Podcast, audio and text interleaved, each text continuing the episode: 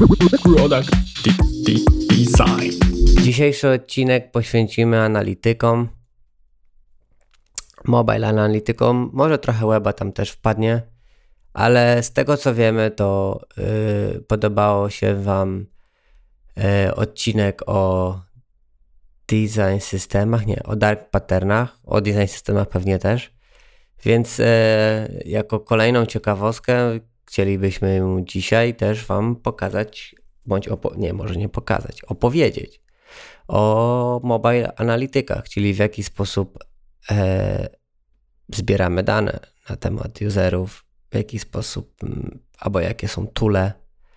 E, no i ogólnie jak nam to pomaga w pracy, to będzie taki podcast, bym powiedział, bardziej popularno-naukowy, więc nie myślcie o tym, że będziemy Wam mówić, gdzie, w jaki sposób to zaimplementować. Bardziej powiemy, co tam się dzieje, e, jakie mamy inputy od Was i jak staramy się to naprawić. No taki, wiecie, wstęp.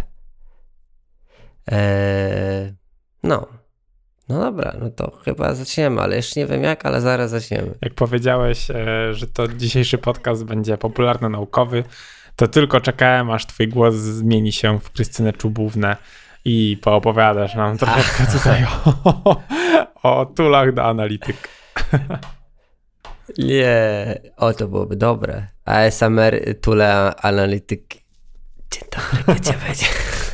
Nie, to ja mogę e, wrzucić e, pierwszy kamień do tego worka e, dzisiejszego.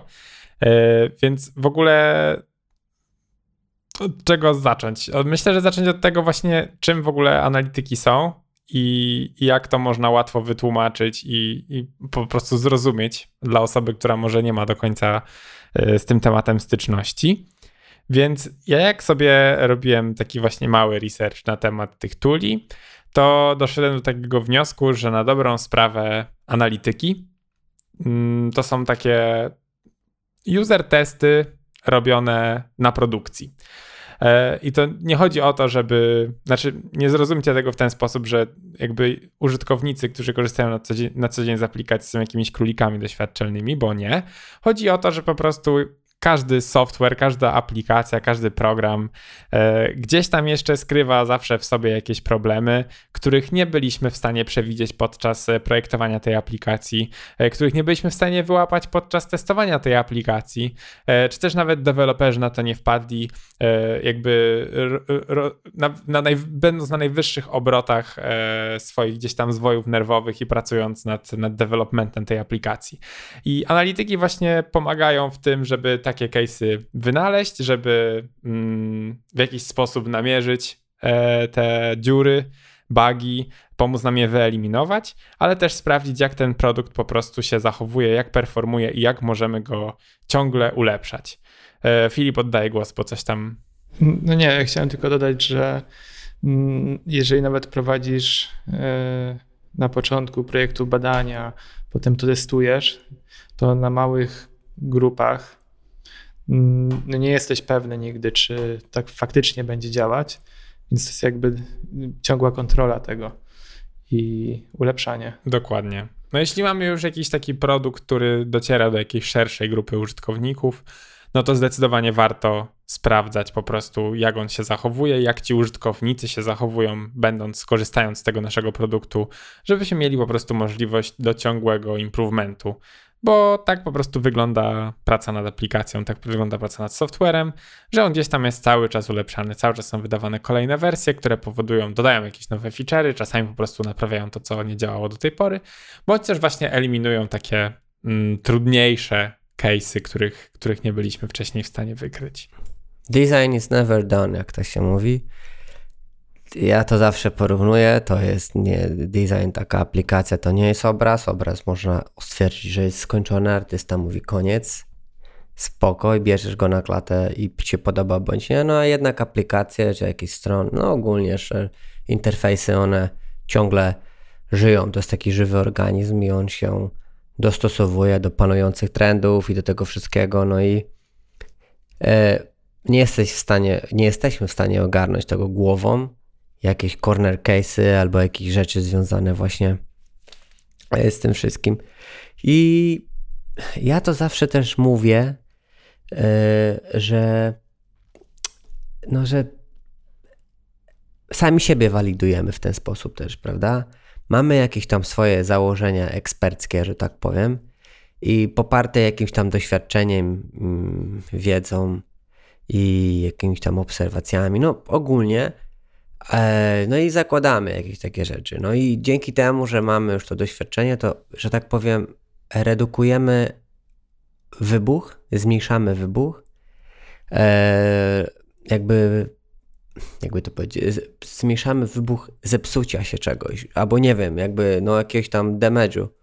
E, a takie analityki jeszcze nam jakby później pomagają, jakby no nie rozprzestrzenia się kolejnych małych wybuchów, których na przykład nie jesteśmy w stanie, nie byliśmy w stanie zauważyć. I takie tule właśnie nam do tego służą.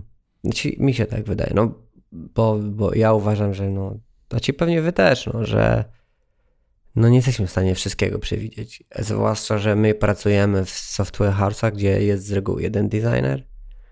No i te wszystkie case'y to nie jest do ogarnięcia na jeden web. Może jakieś większe teamy, może. Ale u nas też, choć oni też używają tuli do analityk, nawet więcej niż my. Wydaje mi się, że jakkolwiek duży ten zespół by nie był, to użytkownik i tak zawsze pójdzie swoją ścieżką, której, której w ogóle nie przewidzieliśmy i będzie chciał używać tego produktu w sposób, który zupełnie nam się nawet e, nie przyśnił. Więc może tak płynnie przechodząc e, z tego wstępu, jakie, z jakimi toolami do tych analityk się spotkaliście do tej pory w swojej pracy? Wiesz co, Paweł, ja, ja jeszcze tylko jedną rzecz powiem, bo zapomnę i nigdy już tego nie powiem. Zaraz zaczniemy od tuli dokładnie to, co powiedziałeś, że ty nigdy nie wiesz, co użytkownik zrobi. Ja miałem kiedyś taką sytuację, że był ekran, w którym było na, e, napisane, e, jeżeli nie chcesz podać kodu, to, to klik, to naciśnij skip. To, no i człowiek nie widział przycisku, e, bo był, no, on był tak no, no normalnie w prawym górnym rogu, tak jak w iOSie się z reguły daje przyciski na navigation barze. I zamiast kliknąć przycisk skip, to tam gdzie się wpisuje kod, wpisał skip i dał e, proceed, czyli i wyskakiwał, że nie ma takiego kodu. I dopiero za którymś razem skumał, że jest przycisk skip, że ma kliknąć skip, a nie wpisać skip. Ja bym nigdy na to nie wpadł. No właśnie, to, to właśnie po takie, e, takie case'y istnieją tule do analityk, e, które pomagają nam po prostu odtworzyć, co użytkownik miał na myśli, co on tam ciekawego, e, do, do czego zmusił naszą aplikację i próbował, co próbował tam z nią wyczarować. No dobra, to teraz już jeszcze raz. Z jakimi tulami spotkaliście się do tej pory E, w swojej pracy, jeśli chodzi o analityki? Czy mieliście okazję z jakiejś korzystać? Jeśli tak, to czy coś wam zapadło w pamięć? No po prostu.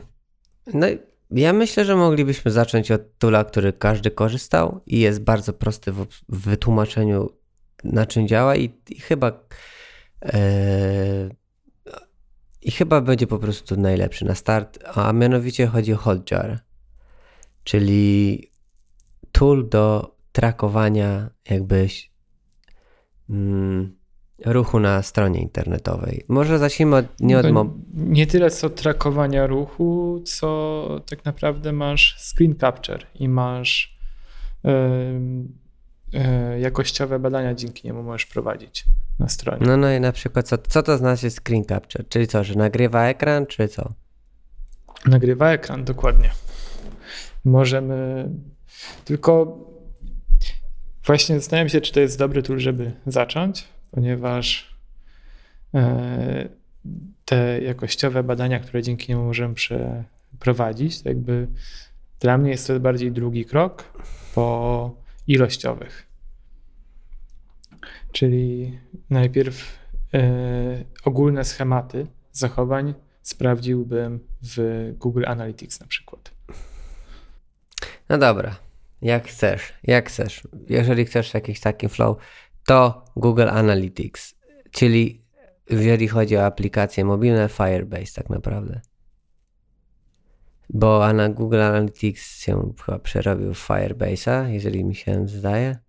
Nie, nie, jakby mm, Google Analytics jest częścią produktu Firebase. Oni po prostu jakby w swojej ofercie mają mm, Google Analytics, chociaż tutaj jest ta jakby mówiąc w ofercie, to mam na myśli właśnie skierowane do, do, aplikacji mobilnych, tak? Bo jeśli dobrze kojarzę, to Google Analytics dla aplikacji mobilnych jest y, narzędziem płatnym. Dla weba jest bezpłatny, dla aplikacji jest tam jakaś dodatkowa opłata. No i właśnie tutaj korzystając z Firebase'a po prostu dostajemy te Google Analytics w pakiecie. I mhm. wtedy możemy sobie też monitorować naszą aplikację. I co możemy monitorować? To zacznie. No, no podstawowe rzeczy. Metryk takie, yy, czy więcej kobiet, czy więcej mężczyzn korzysta z naszej aplikacji, jaki, jak, jaki przedział wiekowy, nawet takie, no z jakiego kraju jest yy, i takie, takie, pod, takie, no wiecie, no podstawowe rzeczy. No od podstawowych rzeczy tak naprawdę bardzo skomplikowane, bo Google Analytics to jest trochę studnia bez dna Możemy tam sobie ustawić odpowiednie eventy, e, dzięki którym możemy liczyć konwersję, e, na przykład ustawić event na baton. Jeżeli ktoś do niego kliknie, to widzimy, co się dzieje. Możemy sobie mm, zobaczyć e, średnią ilość czasu, jaką ktoś spędza na stronie lub w aplikacji, na danym ekranie, gdzie ją porzuca i tak dalej. No, czyli... Tak. Dla mnie Google Analytics w pewnym momencie się w ogóle tak bardzo rozrósł i te wszystkie opcje, które tam teraz są, e, nie wiem, ja nie jestem jakby profesjonalnym analitykiem, nie, nie korzystam z tych tuli na co dzień. Dla mnie Google Analytics jest bardzo skomplikowany. W sensie ja tam jestem w stanie odnaleźć podstawowe rzeczy, które mnie interesują. To są głównie te rzeczy, o których powiedział Michał.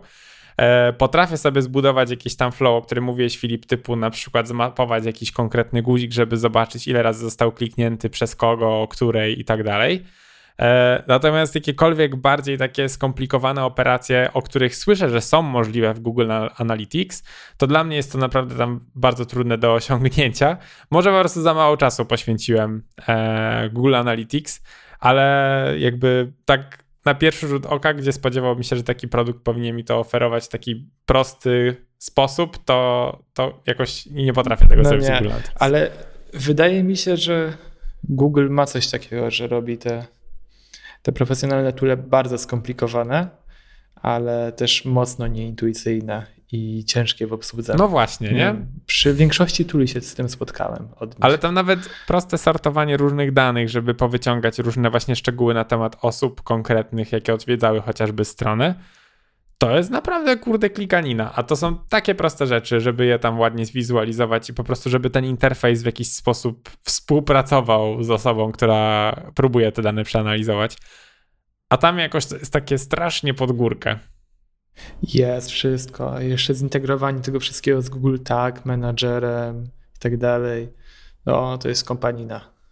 Dokładnie.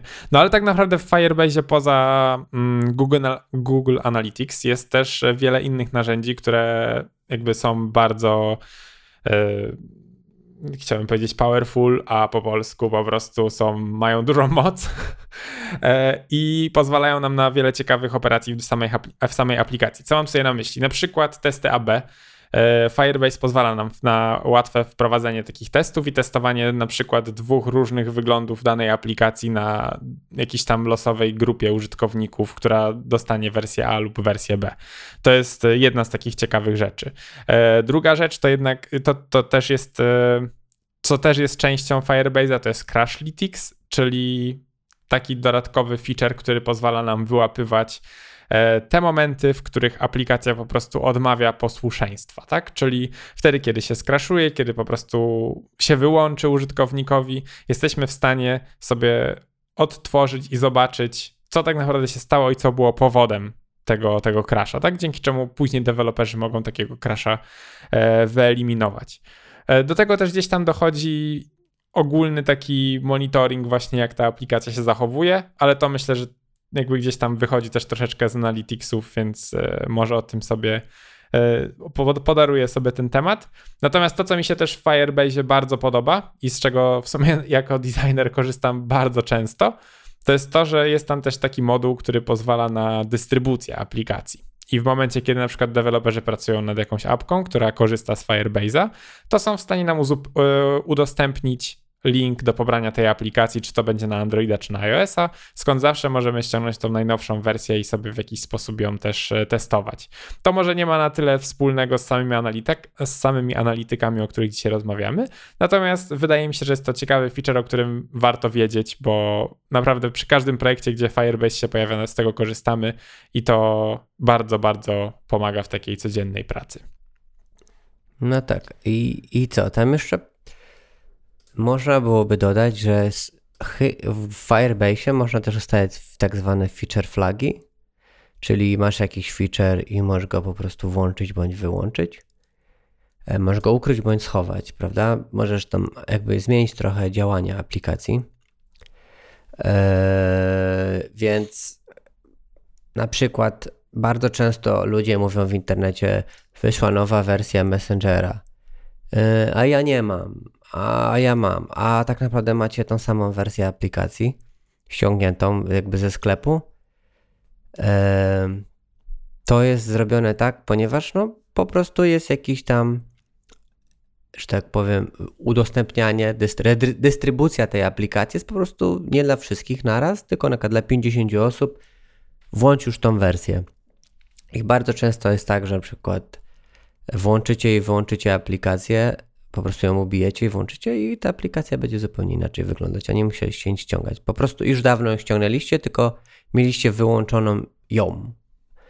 Eee, jakby z użytku jeszcze tak, taki, w taki sposób, jaki by, no nie wiem, jakby ktoś myślał. Więc bardzo często tak jest z Facebookiem, z Messengerem, z jakimiś większymi rzeczami, że są włączone takie feature flagi. Tak, no jakby tutaj to głównie, dlaczego tak się robi? No głównie po to, żeby właśnie badać, jak na przykład nasze nowe rozwiązania się sprawdzają z użytkownikami e, i czy są one po prostu dobrze odebrane i dzięki temu jesteśmy w stanie sobie oszczędzić na przykład jakiejś takiej większej wtopy przed dużą grupą użytkowników, bo na przykład już na tej małej próbce wyjdzie nam, że nasz e, nowy projekt e, ikony zupełnie jest dla nikogo niezrozumiały i powoduje, że nikt nie potrafi korzystać z aplikacji. Więc takie testy właśnie pozwalają, takie, znaczy testy no, chyba tak to można nazwać. Po prostu testy na jakiejś tam wybranej grupie użytkowników pozwalają nam sprawdzić, czy nowe rozwiązania wprowadzane do aplikacji e, na szerszą skalę będą sukcesem, czy po prostu porażką. Dokładnie. E, tak, ja się aż tak dobrze nie znam na tej aplikacji, ale, ale jest jeszcze aplikacja, która jest roz, jakby rozszerzeniem Firebase'a, w sensie 50 razy lepszą i bardziej skomplikowaną, ale ładną w miarę, to jest Mixpanel. Więc y, Mixpanel to jest jeszcze większy tool i jeszcze większa kobyła do, takich analityk ilościowych i tam możesz miliard rzeczy jeszcze więcej zrobić niż w Firebase. Nawet nie umiem powiedzieć, co tam się dzieje, bo tam można chyba zrobić wszystko. Testy AB, eventy, śledzić ścieżki, e, sprawdzić, zintegrować je z bardzo dużą ilością tuli. E, no właśnie, w Mixpanelu jest bardzo ważna integracja, bo może naprawdę z dużą ilością tuli zintegrować. Pewnie z większością, z których, o których będziemy nawet dzisiaj rozmawiać i można połączyć te da, da, da, dane i je jakoś jeszcze bardziej w kontekście rozkminić. Tak, odnośnie Mixpanela to ja ze swojej strony mogę jedynie dodać, że miałem okazję po, poniekąd korzystać z tego tula w jednym z projektów właśnie w Nomteku gdzie po prostu Mixpanel pozwolił nam wychwycić podczas sign-upu w jednej z aplikacji moment, w którym tracimy po prostu użytkowników. Dzięki czemu mogliśmy zoptymalizować ten proces i po prostu spowodować, że, że więcej osób zakończy proces rejestracji z sukcesem, bo się okazało, że tam na drugim czy trzecim kroku nagle tracimy bardzo dużo użytkowników, co było związane z tym, że e, akurat teraz nie, nie, do końca może pamiętam konkretny case, a w każdym razie na przykład, jeśli użytkownicy nie rozumieliby, na czym polega rejestracja z kodem SMS, który dostaje się wiadomości, to bardzo łatwo z pomocą na przykład Mixpanela możemy wychwycić, że coś takiego ma miejsce, bo nagle będziemy widzieć, że mamy bardzo duży drop użytkowników po, w kroku, który dotyczy tego wprowadzania właśnie kodu, który powinniśmy dostać w SMS-ie. Także, znaczy to oczywiście podejrzewam, że Firebase ma podobną opcję. Tutaj akurat e, Mixpanel mi wszedł do głowy, bo tam właśnie te eventy, które można ustawiać są takie dość mocno elastyczne i ich liczba jest e, relatywnie duża. znaczy w sensie chyba nieograniczona i, i możemy sobie to po prostu dowolnie mm, setupować pod nasze potrzeby, co jest bardzo, bardzo pomocne. A Mixpanel chyba też pozwalał wprowadzać nagrywanie ekranu i tak dalej. Mm, nie jestem w stanie odpowiedzieć na to pytanie. Myślałem, że od nagrywania ekranu jest tylko UX cam, bo z reguły, kiedy właśnie mówi się o nagrywaniu ekranu Mhm. i sprawdzaniu takich konkretnych zachowań, czy też właśnie badaniu mocnego takiego UX-a, to z reguły mamy i Mixpanel i UX cama w projekcie. Chyba, że to jest jakieś over Faktycznie, delivery. jest- I masz mix panel, integruje się z UX camem i wtedy masz jakby te dwie rzeczy Okej, połączone. Okej. Widzisz, który masz jakby, no, widzisz ekran i widzisz ścieżkę, prawda?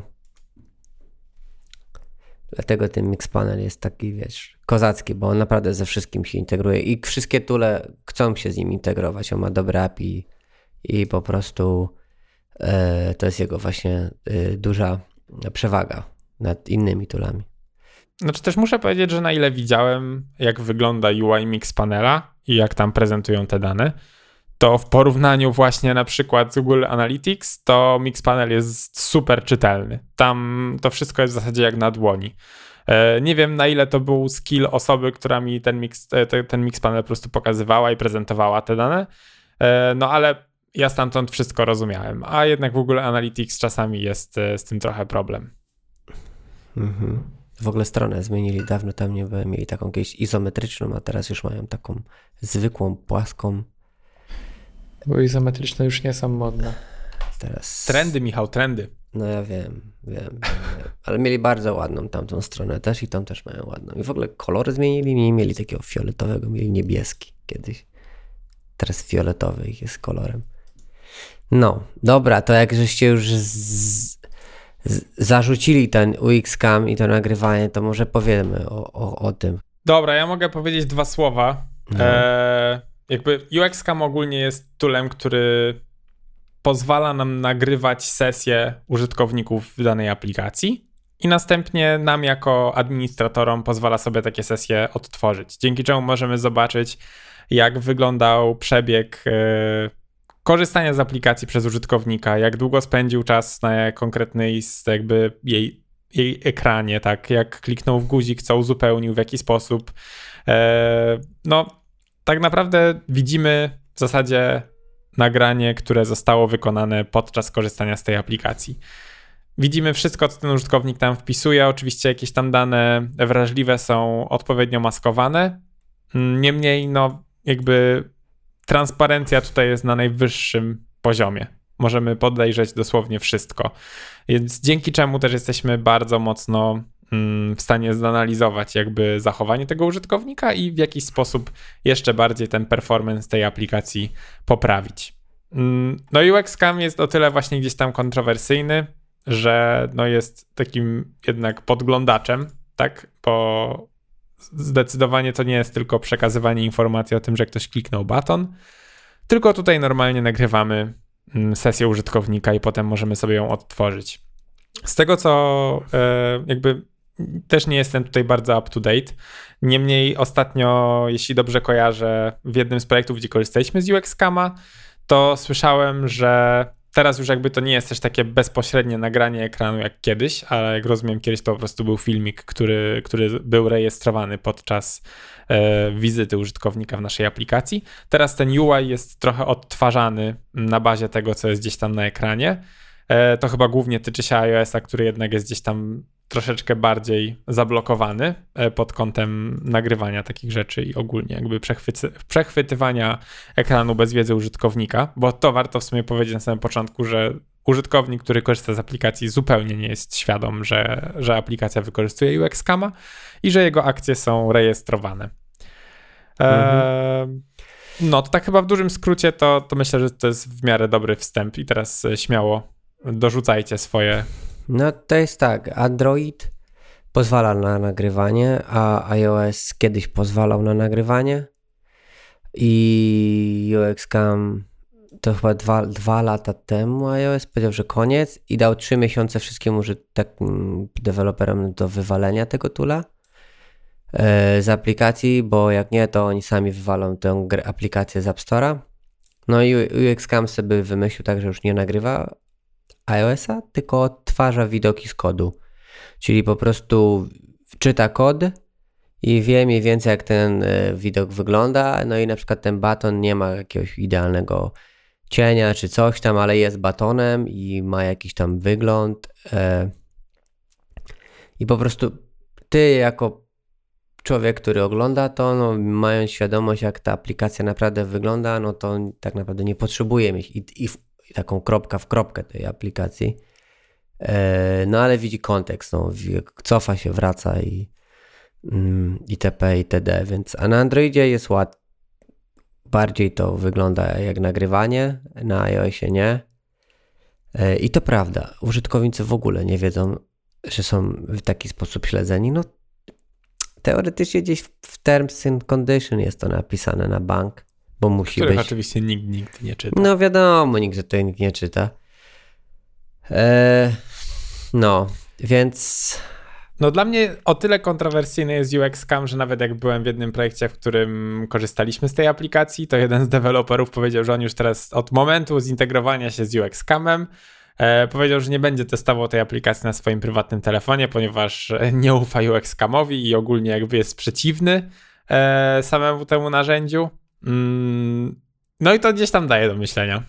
E, kiedy osoba, która gdzieś to tam implementuje w tej aplikacji i podejrzewam, że jest znacznie bardziej świadoma e, tego, co może zostać zarejestrowane, e, mówi takie rzeczy. Więc no, taka żółta lampka się zawsze zapala, kiedy słyszę UX Cam. Ale UXCam chyba ukrywa dane. A czy to Musi. przypadkiem nie jest tak, że on ukrywa dane, ale tylko te, które są oznaczone jako wrażliwe? Bo mam wrażenie, że żeby te dane były ukrywane, to właśnie pole musi być oznaczone jako wrażliwe i wtedy faktycznie dane są maskowane. Mm, Czy też na przykład, jak nie wiem, ktoś wpisuje no, powiedzmy numer karty swojej kredytowej, tak to wtedy na przykład w ogóle nawet klawiatury nie widać. E, No bo jakby sama też struktura formularza sugeruje, które pola są czym. E, Ja oczywiście nie mówię, że jeśli deweloper nie powie, że to jest numer karty, tylko opisze to pole jako, nie wiem, imię, to wtedy UX mu wszystko pokaże, bo to nie, nie działa aż tak. E, W każdym razie, no, to nie jest tak, że wszystkie dane są maskowane. Wydaje mi się, że tylko ta część, która jest naprawdę gdzieś tam z takiego wysokiego poziomu bezpieczeństwa e, i po prostu nie byłoby to zdrowe, żeby było Mhm. gdzieś tam nagrywane i, i od, z możliwością odtworzenia później przez osoby trzecie. No tak, no UX Cam jest najbardziej taki, wiecie, kontrowersyjny tool moim zdaniem, ale to nie jest tak, że to jest jeden tool, to po pierwsze i po drugie, że on jest od wczoraj, to po drugie, czy tam po trzecie, a po NT jest tak, że każda aplikacja, której używamy, większa, używa takich tuli do nagrywania i do śledzenia nas i to jest pewne na bank ma takie tule no, w swojej e, aplikacji Facebook, na bank ma takie tule w swojej aplikacji jakiś Gmail czy Google. E, no bo nie wierzę, że nie mają. Jeżeli my tacy zjadacze, takie, tacy szar, szarzy ludzie tacy, możemy sobie takich tuli używać i to nie jest jakieś bardzo drogie i to też nie jest hardcore w implementacji, to nie myślcie, to są po prostu podpięcie jakichś podstawowych rzeczy. No to kilka dni trwa, ale da się to zrobić e, żeby taki Facebook takich rzeczy nie miał, czy jakieś, jakieś aplikacje Google, czy ogólnie jakieś większe aplikacje. E, a propos tego, no to zobaczcie, e, jak długo trwa aktualizacja aplikacji Google do nowych standardów, jakie iOS wprowadza, czyli każda aplikacja musi napisać gdzieś tam w wizytówce w App Store, jakich tuli używa i czego używa. No może nie, nie musi pisać z imienia nazwiska tuli, ale możliwe, że musi podać to App Store'owi, e, do, co robi, czyli trakuje i ogólnie. Proste aplikacje naprawdę mają tyle rzeczy i tyle rzeczy biorą od nas, że wy sobie nie zdajecie z tego sprawy, więc no. To jest taki po prostu realny przykład, taki jest taka styczność moim zdaniem UX, to jest takie wow, mogę sobie to ściągnąć, zainstalować, widzę, masakra. No, więc my używamy tylko, żeby było lepiej w tych aplikacjach, żeby I też nie nagrywamy wszystkiego, bo to byłoby strasznie drogie i to byłoby też bardzo ciężkie w ogarnięciu, więc my nie całą aplikację nagrywamy na przykład, tylko mówimy dobra, nagrywamy całą rejestrację. Jak ktoś wejdzie w rejestrację, nagrywaj. I mamy takie same rejestracje, nie że cały, całą aplikację, jak on tam dziubie w niej, tylko jakieś tam wyrywki, jakieś tam rzeczy ważne dla nas.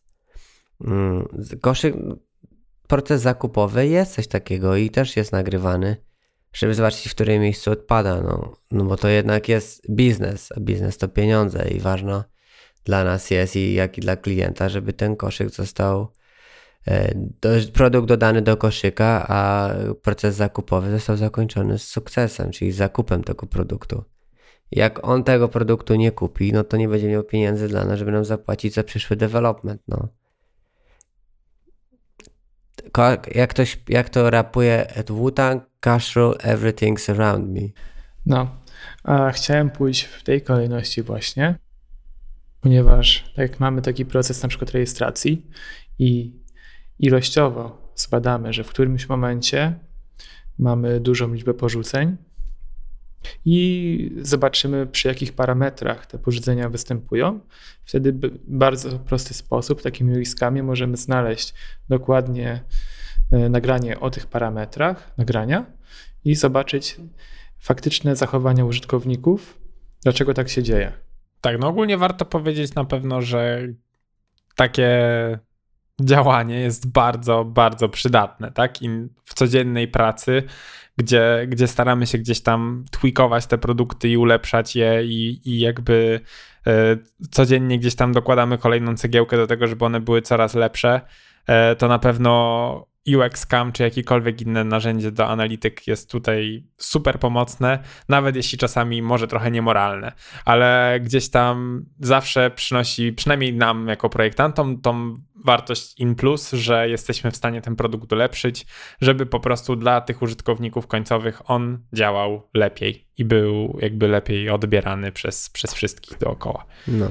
Ale też pamiętajcie, drodzy użytkownicy, że jesteście nie tylko w aplikacjach mobilnych śledzeni, bo e, aplika, e, tule do narzędzia do śledzenia ludzi na stronach internetowych są jeszcze bardziej zaawansowane niż takie aplikacje w aplikacjach mobilnych. Tam jest dużo więcej zabezpieczeń, a choćby taki, tak jak już mówiłem wcześniej, Hotjar robi dokładnie to samo. Nagrywa twój ekran podczas scrollowania, potem tworzy z tego tak zwane heatmapy, czyli takie punkty, w których miejscach myszka najwięcej się pojawia i jest klikana, i tam, gdzie więcej jest bardziej czerwono, tam, gdzie mniej jest po prostu niebiesko. Eee, I to jest od dawien dawna. Nie wiem, od UX Cam nie jest nowym toolem. Nie, nie, jest, nie jest starym, nie jak to powiedzieć. No, nie, jest, nie jest długo na rynku. O, może tak. Eee, a takie hotjary czy jakieś inne aplikacje do śledzenia ruchu na stronie są od dawien dawna, prawda? I jeszcze Dokładnie. więcej tego tam jest na bank. To jest takie Eldorado, bym powiedział, dziki zachód, jeżeli chodzi No, o... też jakby Jest, jest tego dużo. z zasady po prostu web jednak jest gdzieś tam technologią bardziej dojrzałą, więc po prostu te tule też już są znacznie bardziej dojrzałe. Mają znacznie więcej możliwości niż, niż te mobilowe i no w tym wypadku niekoniecznie jest to zawsze in plus. Czasami po prostu jest to jeszcze gdzieś tam większa inwigilacja, która się toczy za naszymi plecami, więc trzeba być ostrożnym, ale No. bez przesady. No, Jakby nie świrujmy na tym punkcie, nie zastanawiajmy się nad tym, nie myślmy o tym, kiedy korzystamy z tych produktów. Wierzmy, że są one wykorzystywane w dobrej wierze. A I jakbyś- tego się trzymajmy. Dokładnie. A jakbyście chcieli się dowiedzieć, na przykład jak, jak was śledzą na stronach internetowych, to jeżeli macie Maca, no to najnowsza przeglądarka Safari. Po lewej stronie od paska do wpisywania ma taką ikonkę takiej tarczy. Jak tylko na nią klikniecie, to wam się pokaże, ile, ile rzeczy się w tym momencie śledzi. No i na takiej stronie UXCAM właśnie, której jest, jestem, jest 16 rzeczy. Tak, ja też jestem UX-kam, ja też właśnie kliknąłem i też zobaczyłem te Ale 16. No właśnie, na takiej gazeta.pl zaraz się dowiemy, ile nas śledzi. O, na przykład e, z Na ciekaw- bo gazeta.pl 8. dzisiaj w ogóle jakiś taki news był, że Pivik Pro, czyli konkurencja dla Analyticsów, e, Google Analyticsów, weszła w jakby model również bezpłatny, który udostępnia bezpłatne analityki. E, jakby to, co wyróżnia właśnie Pivik Pro od Google Analytics, bo jakby mm, robiąc jeszcze krok w tył, dlaczego Google Analytics jest bezpłatne, bo na dobrą sprawę na webie jest to tool bezpłatny. No, dlatego, że wszystkie te dane, które gdzieś tam są mielone przez, przez, ten, przez to narzędzie, są pewnie anonimizowane i sprzedawane, tak jakby w jakiś sposób Google śledząc zachowania użytkowników na stronach zdobywa jakiś know-how, które stara się potem gdzieś tam dalej sprzedać i w ten sposób ten biznes się kręci, że my możemy jako gdzieś tam twórcy stron internetowych sobie podglądać, co robią nasi użytkownicy w ramach tej strony, no ale to jakby jest transakcją związaną z tym, że Google może na tych informacjach zarobić, sprzedając je gdzieś tam e, kom, o, jakiejś e, trzeciej firmie, tak? E, no i właśnie Pivik Pro to jest narzędzie, które jakby gdzieś tam staje po drugiej stronie tej barykady i mówi, że nie, my nie będziemy tych danych sprzedawać, tylko e, jakby właśnie jesteśmy czystym toolem, który umożliwia gdzieś tam analizowanie danych na stronach internetowych, bo tutaj oni chyba z tego co ogarniam głównie e, skupiają się na, na webie. No i chyba właśnie dzisiaj czy wczoraj e, Udało im się również wprowadzić e, wersję darmową, przy czym cały czas utrzymują swoje twierdzenie, że tych danych e, nie sprzedają. Przynajmniej tak to chyba, jeśli dobrze zrozumiałem. W każdym razie odnośnie tych liczb, które się pojawiają przy, mm, w tej tarczy, to z ciekawostek to właśnie na Pivik Pro, jak się wejdzie, to ta tarcza mówi piękne zero, czyli nikt nas tam nie śledzi. Mm.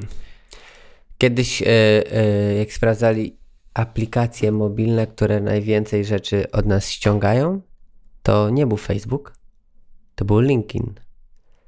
Więc jest, to jest, taka, to jest taka też ciekawostka. Jak ktoś używa LinkedIna, no to niech wie, że najwięcej danych jest stamtąd zabierany.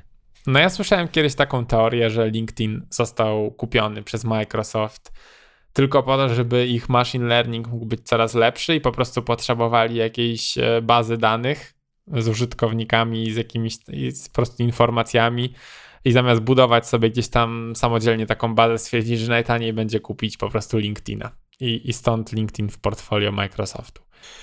Taka plotka internetowa. Ojej, powiem ci, że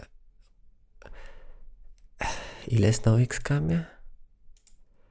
16, dobra, to więcej. Na NetGuru jest 14. Na Nomteku jest? jest 14 jest na, na NetGuru. Na Nomteku jest 6. No, delikatnie. Na, na Allegro też jest jakoś nie za dużo. No możecie sobie patrzeć właśnie, zobaczcie, jacy są ludzie i czego używają. No, dobra. E, u XK mamy Mixed Panel, Google Analytics, e, Hotjar. E, jeszcze jakieś tule mamy fajne, takie do, do pogadania, które nie są jakieś nudne. To znaczy, ja jedyne co to znalazłem taką listę jakichś tam najciekawszych tuli na rok 2021, oczywiście. E, to z tych, o których, e, znaczy mogę tylko wymienić nazwy, bo one w większości niewiele mi mówią. E, może wam coś zaświeci nagle. No to tutaj tak, występuje na przykład Flurry, który jest toolem od Yahoo również takim dla analityk gdzieś tam jest odpowiedzią po prostu na Google Analytics od Yahoo. Jest tutaj też Amplitude, który, o którym kiedyś słyszałem, ale jakoś w żadnym projekcie nie korzystaliśmy z tego tula. Countly też nic mi nie dzwoni. Oczywiście tutaj są też takie bardzo podstawowe e, tule od samego Apple, tak, który w kontekście aplikacji na iOS-a udostępnia jakieś tam proste analityki odnośnie ile tam użytkowników pobrała aplikację, ile z niej korzysta, ile osób coś tam dokonało jakieś zakupy, ale to są bardzo, bardzo, bardzo podstawowe dane. E, więc na pewno relatywnie ciężko jest z nich wyciągnąć jakieś e, wartościowe mm, insighty w kontekście samej, samej aplikacji i jej działania. To, co mnie zaciekawiło, to na tej liście występuje też Adobe Analytics. Nie wiedziałem, że Adobe ma swój tool do analityk. E, okazuje się, że jest. Nie miałem niestety okazji za, zapoznać się z nim jakoś tak głębiej. Jedyne co to wszedłem po prostu na stronę internetową. No i faktycznie mają tool do analityk. E, I z tego, co tutaj wyczytałem w opisie, jest to tool bardzo mocno skierowany na takie biznesy już enterprise'owe. Jest to relatywnie drogie, ale ponoć e, rewelacyjne. Tak przynajmniej mówi opis, który znalazłem. E, są również analityki od Facebooka. Mm, to jakby bez komentarza pozostawiam. Localytics też niestety niewiele mi mówi. I ostatnią na tej liście, to zresztą swoją drogą jest lista napisana właśnie na stronie, na blogu UXKama.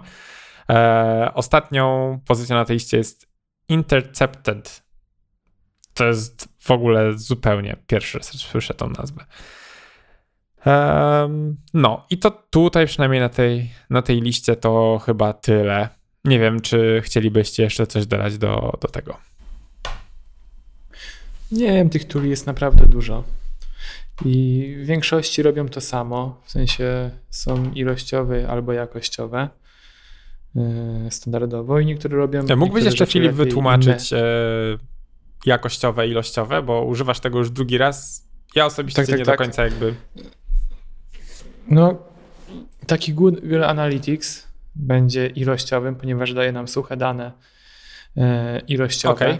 Odnośnie wszystkich użytkowników, a e, jakościowy będzie Hotjar, ponieważ dokładnie możemy zobaczyć, co dana osoba robiła na tej stronie. Okej, czyli rozumiem, że taki jakościowy można by trochę zinterpretować jako takie badanie powiedzmy UX-owe bardziej? Że tak troszeczkę badamy też... No bardziej tak, bardziej badamy zachowania. Mhm, mhm, konkretne. Dokładnie.